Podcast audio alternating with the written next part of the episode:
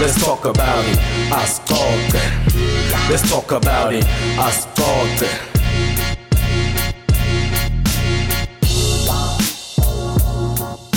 siku-episode 35 i-asixoxa naprinzwilakazi uma kwi-episode yakho yokuqala-ke is-available ku-anchor ku-spotify naku-soundcloud then konke lesivame ukukhuluma ngako la kulama-episode nalama-interviews nepage kufacebook bhale asixoxa naprinzwilakazi so uma ulayikha leli page everything leyenta la kule show nalo kusatowendeka noma lokwendekile-ke utokubona khona lapho njengoba siku-episode 35 khumbula ukuthi ku-episode 34 na-episode 33 sikhulume ngema-event latoba khona kuleli viki lelitako lesiya kulo-ke mhla ka-5 ne-event ye-feast and dance ma ufuna-ke more information kulula hamba ku-episode 31 wathi ukuthi okay ma ufuna kuya ku-secret location ehhotela-ke ufike u-enjoy i-weekend yakho yonke kube nephathi ukuthola njani loko uma ubhukha-ke ubhukha le hotela noma ubhukha le-event utokhona mara nokubhukha neli hotela-ke ubhukhe neli room lolithandzako manifika-ke lapha nithole nekudla ujike ekhaya ukuthi ungase uthole i-accident then kumuva lapho-ke kuyiwa mhla ka-12 mhla ka-12 kune-competition yetimbongi noma ye-poetry so uma ngabe uyimbongi noma uyimbongikazi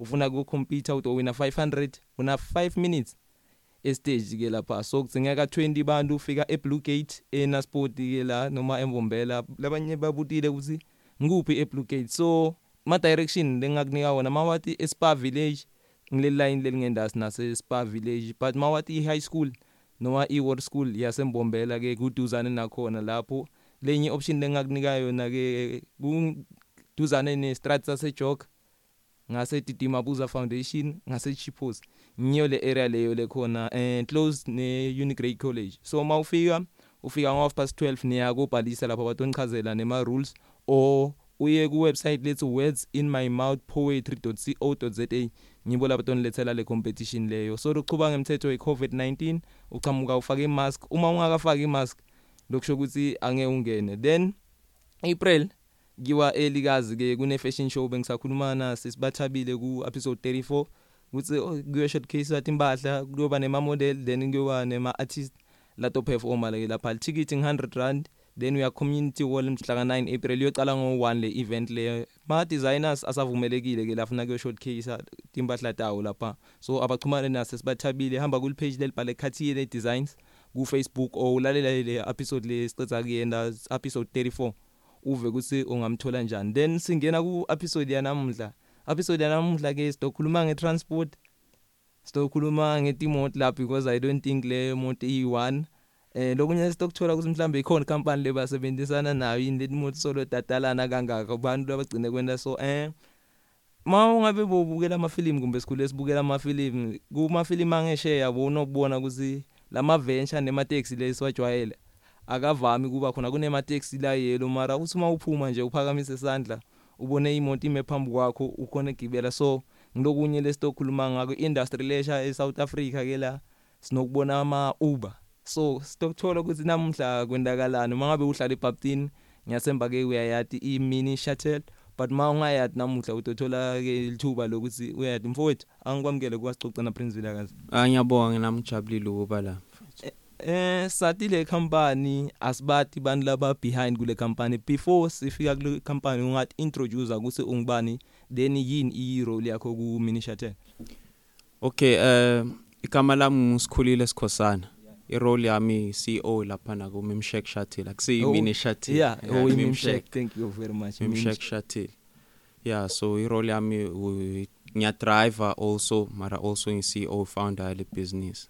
asiye kulo meme check because ibong correct lo meme u u- accommodate ukuthi usho le moto ngendlela ingakanani kumbe ligama la le Timothy No igama le business. Yo, okay. Like it's a business le le le gama engalikhetha for a business. yeah Basically i- it's my name translated into Hebrew. okay So i- yeah, Skolile Mimshek, it's the same thing. Oh. But it, it's like a divine meaning of growth and expansion.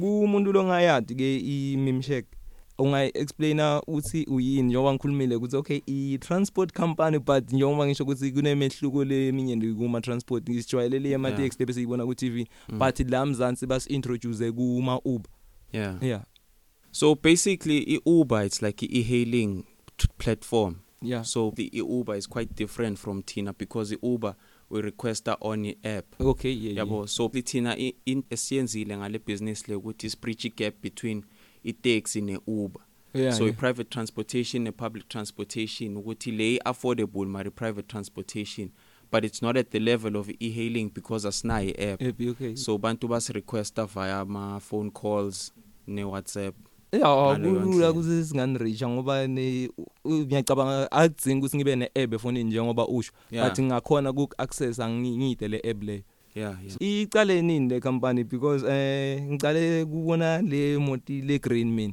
Mm. but kancane kancane tiyakhula ngiko ngibuta ukuthi okay ikhona mhlambe ne company lo sebenza nayo but istofika ukuthi ikhula kanjani icale nini le company qale 2019 njengoba usho bekunale green vele le three wheeler yeah yeah yeah leyo sibiza nge-tuk-tuk yeah yeah oh tinemagamato yeah le, le vele ngasho lawa manje it's basically imoto vele yeah yeah but leyana bekuyi-tuk-tuk vele igama layo i-tuk-tuk yini le kwende ucale le company because mawukhuluma ngokuthi 2019 ngilazi velele khona indzaba ye covid so Yeah. etitoro bebangafundiseki ngobuningi lokunye la ama taxini Mm. asikavumeleki ukuthi sihlale ngebuningi so i think njengoba ithatha abantu ukuthi ungasithatha sibabili maybe ngilokunye lokwende ukuthi mhlambe ungaqala le company i think lowo singathi mhlambe kube yinto ehle yenzeke ngesikhathi into embi yenzeke ngesikhathi esihle for mina yeah ngoba i- into eyayenzeka ukuthi bengisebenza like being being employed khona lapha abathona yeah and then the company le bengisebenzela yavalwa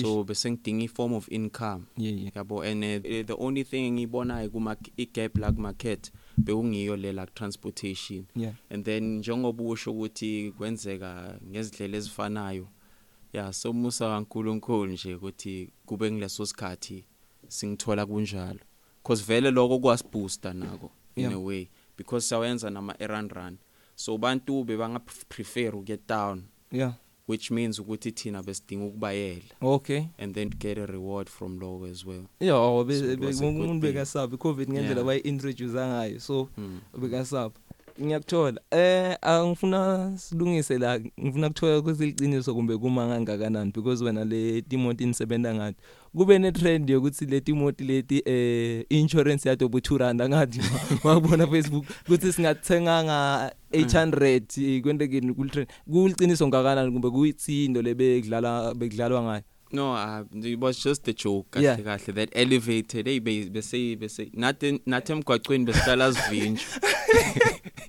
Bantu basibuza ukuthi vele 150 le moto. Yeah ngoba Ah. be- beyibona ukuthi ikhule kanjani so Yeah. ma challenges abe ngakanani kuthi bantu bafune ku requesta kakhulu lesikhathi ucala ngoba le monti beyi1 nyalo setikhulile kumbe just kube ngcono ukuthi u introduce le lona le company then sekwaya ngokuthi sesinifuna ku demand sewabona ukuthi kufuna ngetele letinye I think i demand createwe ngilokucala le company because khathi sacala vele bekuslow. yeah yabo it would- beyingekho into enjengaleyo la Mm. so mayicala kusho ukuthi lama customer la bengiwathola bengiwagcugcuzela Mm. ukuthi no asenzeni lento le but then later on bantu bacala babona ukuthi isidingo kahle kahle Yeah. le, le business and that, in that way i demand iba more and then sekufanele si add izimoto yeah ngaleyo ndlela so yini le idea idea le unayo kusukela kutsala kumbe ukuthi ubone ukuthi hey ngilahlekelwe span awuthi ngiyokucala something kumbe khona la ubone khona ukuthi no ayikho ngala asibuye si introduce no like basically mina nginama ideas wa- wama business Yeah. yeah. like throughout the time ngis- vele throughout vele ng- since ngikhumbula Yeah. Oh, and then nokwabhala phansi Okay. and then by the time sengifika lana kule situation le bengiyo kuba unemployed yeah then i had to go back to ama ideas wakhona but also the reason why igcina sengisebenzisa le moto engiyitsebenzisayo is because bengifully fuel save okay yeah yeah, yeah. and then le idea leyo popped up ngaleyo ndlela mm le monto ibeke uyimoto mhlambe le khona kumbe imoto loyicale ukuthi njengoba ukhuluma ngokuthi ufuna ukusave petrol uthi no angihambe ngiyobuka ama option ngibona lengangisave la petrol but inginike le business lengifuna ya yona bey- be- yona beyikhona just nje ukuthi bengasi bengakavami yeah yabo njengale engayithola kucala ngayithola vele bantu bangasengayazi yeah yeah yabo so ngaleyo ndlela ngiko- ngi- ngisizathu sokukhetha lezi moto lezi oh ukuthi ziya fuel save okay yeah angazi noma angayizwa kahle imibuzo Eh uphendule kahle but nga- ngaphinze ngilona ngifuthi ngibuta usibonayo ukuthi imoti yakho kumbe no uyithenge vele ukuthi ufuna ukuyisebenzisela yona le oh business? uh, now ngithenge specifically for le business no Oh, okay yeah okay ah ngiyafana ushayelana ngala nalama business idea mhlambe ungasicebulela because imisebenzi bantu ibalahlekela but Yeah. nakhona kufika so nyalo mangabe ucala naye ibusiness okay seyikhona i- yini le le gap lo loyibukile le kwende ukuthi wena ukhona kusho ukuthi no man angiyikuyofana nalaba ebe Uber but angifuni nokuyofana labantu ekusukhona ku spot kanjani ukuthi lapha abathoni le lona yakho into sebenza lenza baya le phone number basically lana eBarberton mina mangifika transportation enjengale bengayikhona ukuyithola like bengana access angazi noma bengekho noma imarketing yabo beyiweak oh Yabo. usuka uyijwayele la uchamuka khona uh uh like sengiyasho ukuthi like umuntu angisho uyaba nesidingo yeah yeah ubona ukuthi no man lana ngidinga into so yes mara ngiyitholi uvar Yabo. lento yelayini yokuthi sitofika sime la lokishi liyakhula nyalo Yeah. but nyalo ungithatha uyongibeka straight la ngiyakhona yeah yeah yabona so uyasibona lesidingo salento leyo mara wena nawuyifuna uyitholi yeah so sebese kuba iburden yakho ukuthi wenze sure ukuthi nomunye oyidingayo uyayithola so that's how a business idea i- iqala ngako bo planile ukuthi mhlambe mawutoluza umsebenzi ikhona imali loto yokucala ngayo ibusiness yakho kumbe kufuneka ukuthi uhambe uyoboleka mhlambe imali ebank wabatshela ukuthi okay ngidonibhadalanga nayo indlela mina because my business afuna i-funding yeah funding yeah. capital Mm. ah basically mina vele since Yeah. nangabuza abantu abangazi bangazi ngathi ngimuntu ofelelayo yeah so ngihlala nginemali ngihlala ngisave kakhulu ngenxa yokuthi ikusasa Mm.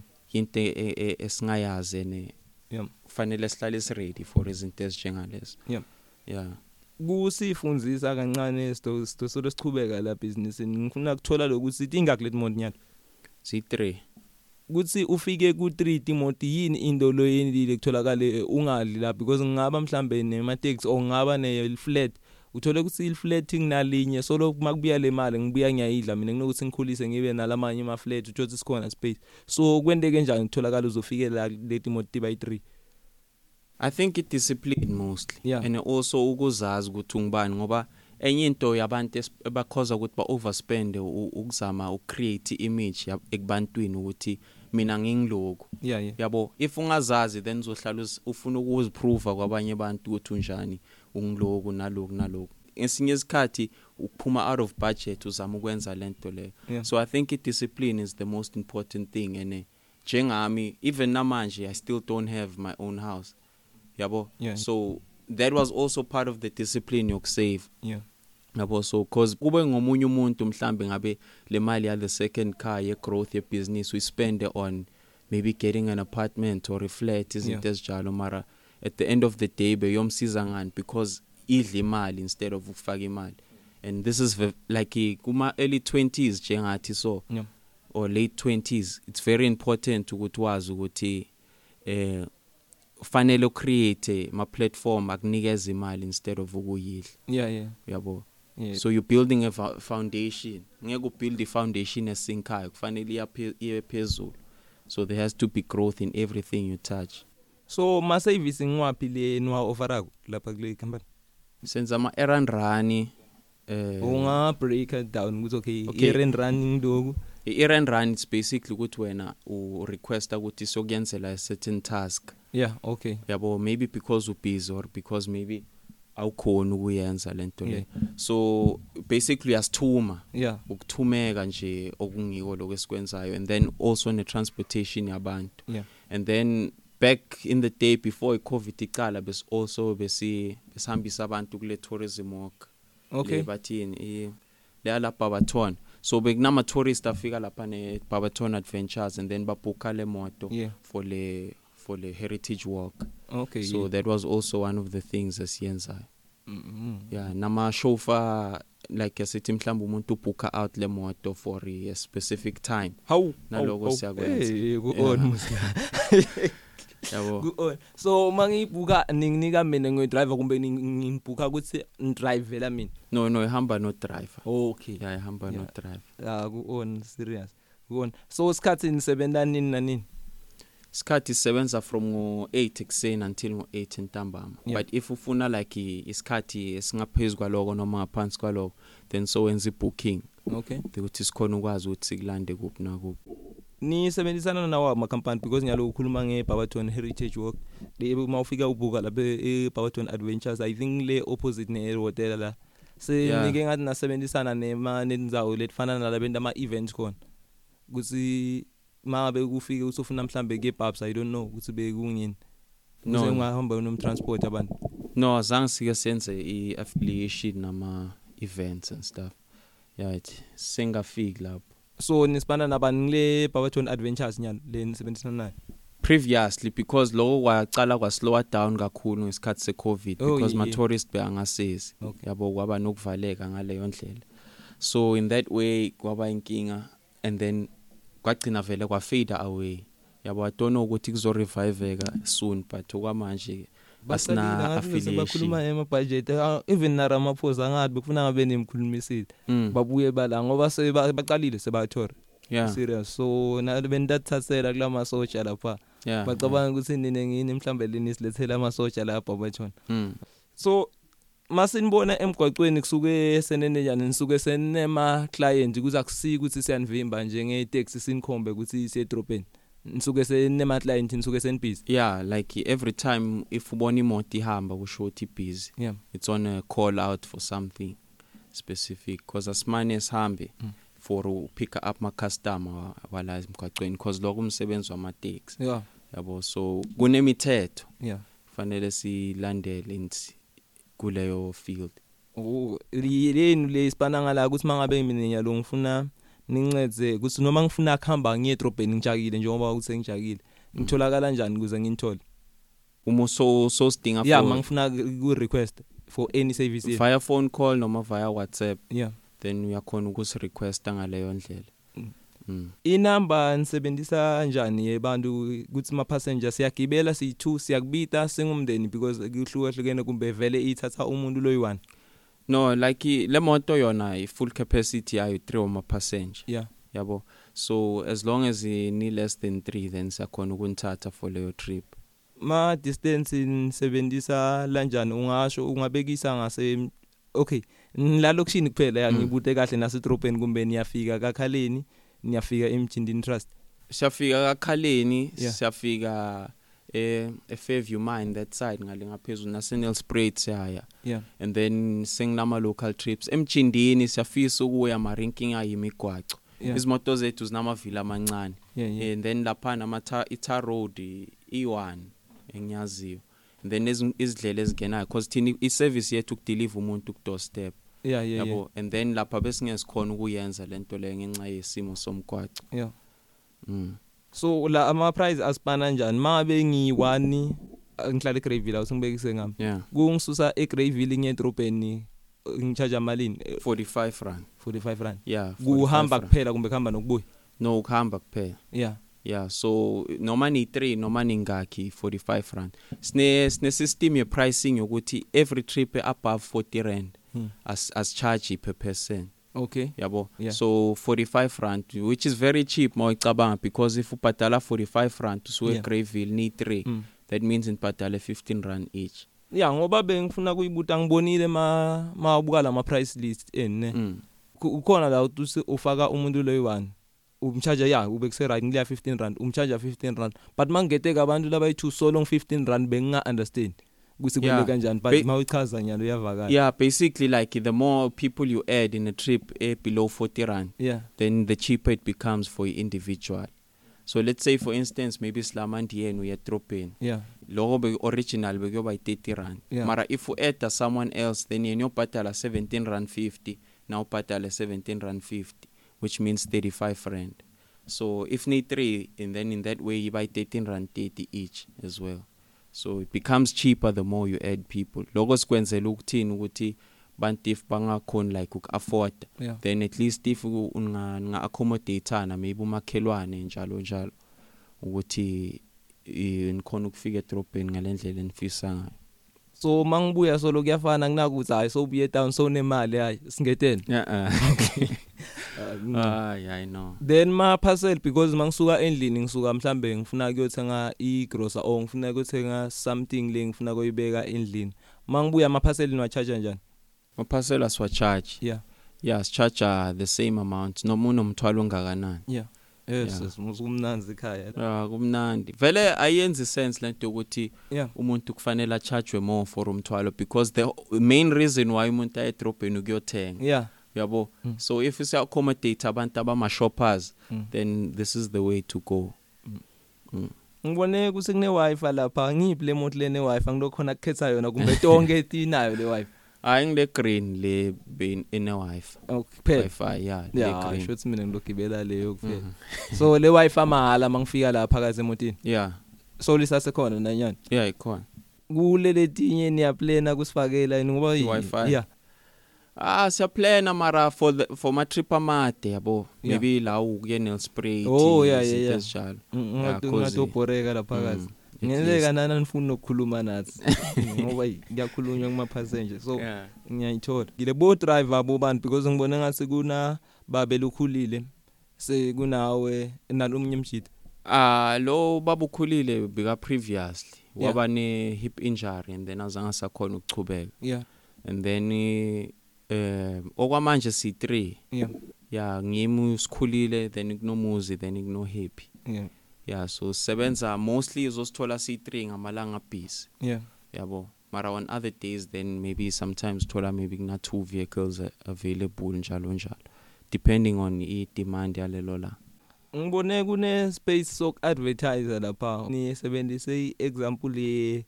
KFC so mina mangabe ngine business le hambisana nale yenu ngivumelekile ku advertiser kumbe ngibobani leni funa ba advertise lapha kule mode laphana basically bes, bes provide the advertising space for any type of business yeah le KFC beku actually be sort of a deal cause bas approach ukuthi bafuna still senze ama delivery for lapha yeah and then that's why sayifaka lapha mara bekunendawo njengezindawo zama pizza la ne town bantu bebayenza ama pizza and other things yeah then sis advertiser lapha and then bayenze weekly payment for le for le advertising space less so short loaf nak advertiser nyalo still is available yeah kufuna ifithe le le business le ukuthi i associated na- nani ukuthi mhlambe nendama deliveries or, or anything lengafuna ku advertiser ngivumelekile anything ufuna uyiadvertise ivumelekile eh, as long as just sense ama arrangements na une A4 placard nje siyakhona ukuthi sikufakele lapha ama customer wethu yeah ngibonile Abone. Mm. kunelo nayo yokuswipe lapha so Yeah. even noma ngide imali cash ngingafuna ngisebenzise likhadi akunankinga yebo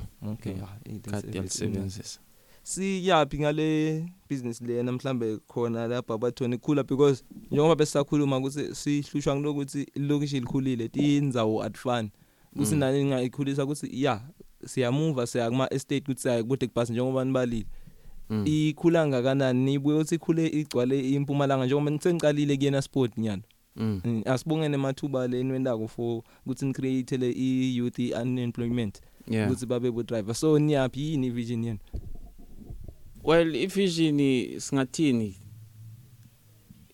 ivision ayikahluki kakhulu naloko kwenzekayo kwamanje okay net good manje ivision yethu angesi khona ukuthi isplan ahead uh, accordingly ngenxa yemithetho ehlala ishintsha yeah yeah awukhona ukumane ufike wenze into ofuna ukuyenza ngoba uthola abantu sebakhona bayenza Yeah. yabo so in that way eng- indlela engaphendula ngayo ukuthi hey we take it as it comes yeah yeah ngincane kancane kancane kancane so usakhuluma ngemthetho ikhona mhlambe iassociation le nifuna kuyo but but njengoba akusima tax kumbe njengoba usho ukuthi wena no silandzela le mithetho lekhona asiphikisane nema tax asiphikisane nema uber ngithi lele sicala sho sekumbe nileader ngale ndlela le nifike ngayo nini nyalo yeah thina vele we in our own lane mara loko akusiyinto bantu abanye abayihloniphayo so that's something that ufanele uyithathe into consideration ukuthi even though wena ungasebenzisani nabanye noma ungasesendleleni yabanye mara bona maybe baya interfere kuleyona so ma limitations wethu afika lapha ekutheni bantu baya interfere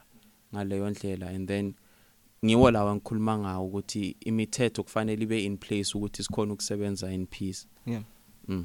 esesitovala again why umuntu ufune a choose e service yenu why financial because yeah. because si original yeah uyabona yinto esuka ngaphakathi komuntu emanifesta ngaphandle yeah yabo so siyinto esiyaziyo ngenxa yokuthi yacalwa ngithi yeah yeah, yeah. and eh, sesinesikhathi siyenza lento le eh, and ma customer so far ba appreciate imsebenzi esiyenzayo yabo if udinga encouragement nje buza umuntu oke wagibela yabo yabona nyalo at least yeah Yeah. ngiyavakala then kumuntu lofuna kunilandzela abone ukuthi ni operator njani noma afune nokurequesta i inani ibiti ngetext nibita ngokuthi yini ngoba uthe kambe yini igama laleyo icala imoto itak tak yeah tak tak yeah ni si- sithi yini le field le ngoba sijwayele ifield kune field yema taxi then kune besikhuluma ukuthi kunema Uber Yeah. kunema venture siyibita ngokuthi yini le field leni kumbe sikhitshwe Kahle, mangalo kahle. mimi shark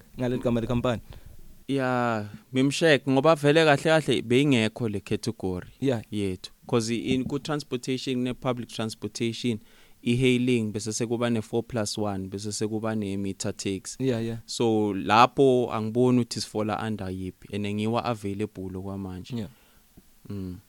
ngibone kunesithombe la ngathi kumbe beniyo service nani nani niya e- e garage yeah iya egarage Yeah. because basically lezi moto zinjenge sinjenge sithuthuthu kahle kahle yeah yabo zi- zi- za- zikhandwe ngaleyo ndlela for ukuthi zibe ma fuel save Mm. so baningi bo mechanic abaqualified lana abakhona ukusiza ngalezo ngalezi moto Okay. uma seziserviswa and stuff sinilandzela kanjani ku social media ngoba ngingithole ku Facebook ngifuna Yeah. ukuthola ukuthi nikhona kuyo yonke indzawo okwamanje sise ku Facebook yeah yeah Facebook nje ngikola si advertiser khona most ama updates wethu khona khona yeah and also na WhatsApp ma updates siyawathumela to ama customer wethu so once usifonela then say save inumber then all ma updates uyawathola via WhatsApp yeah siphe le number naleli gama la le Facebook account memshake shatil the Facebook account and then i number 064 935 7895 mm.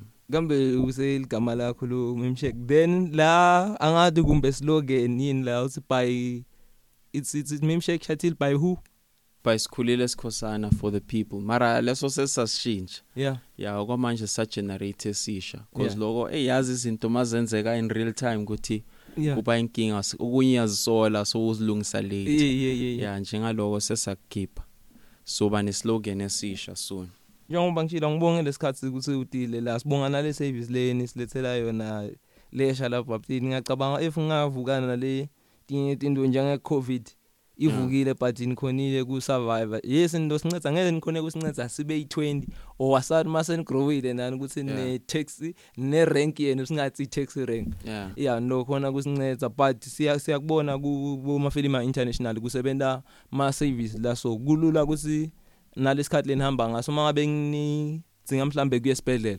ngakhona kungithatha especially ningaze simele ukuthi sigcwale ni nisesibedlela so sibonga lento leni silethele yona lesha sibonga nale ma opportunities leni sicreatela wona emsebenzi sibonga ya nale wifi stokhibela kakhulu wifi mnanzi Si- yeah ngiyabonga mfowethu ya ngiyabonga bro. yeah iphelela la episode 35 where asicoca na Princeville akazukhumbule next week Saturday i-event ye Feast and Dance mhla ka5 ku secret location so hamba ulalela episode 31 dokhona kwathi ukuthi uxhumana nabo njani uye ku Jive- ku Jive for i weekend yonke then mhla ka12 mangabe wenda i poetry ena sport e Blue Gate eh kama noma stand number salendlu kuse 46 Blue Gate MK Street uyabuya u Dr Computer for 500 rand una 5 minutes ukuthi uyoperform stage abantu abafunekayo ke by 20 make sure ukuthi ngoma past 12 uyafika uya register as a poet noma as a poetess batokunika nema rules akhona but mawufuna ukuxhumana nabo ke hamba ku words in my mouth poetry.co.za then mhla ka9 April kuyiwa elikazi ke mangabe ufuna kwathi ukuthi ngiyiphi fashion le trend manje noma ufuna ke impahla taka nokusho lo ungakasi mhlambe wafuna ukubona store but lapha uthi uma ufika uyitsanza uvumelekile nokuthenga ke iletha ikhathi yele design ngo-1 o'clock elikazi community wall ticket 100 rand mina nawe sibambana ku-episode 36 Let's talk about it. Ascolte. Let's talk about it. Ascolte. Let's talk about it. Ascolte.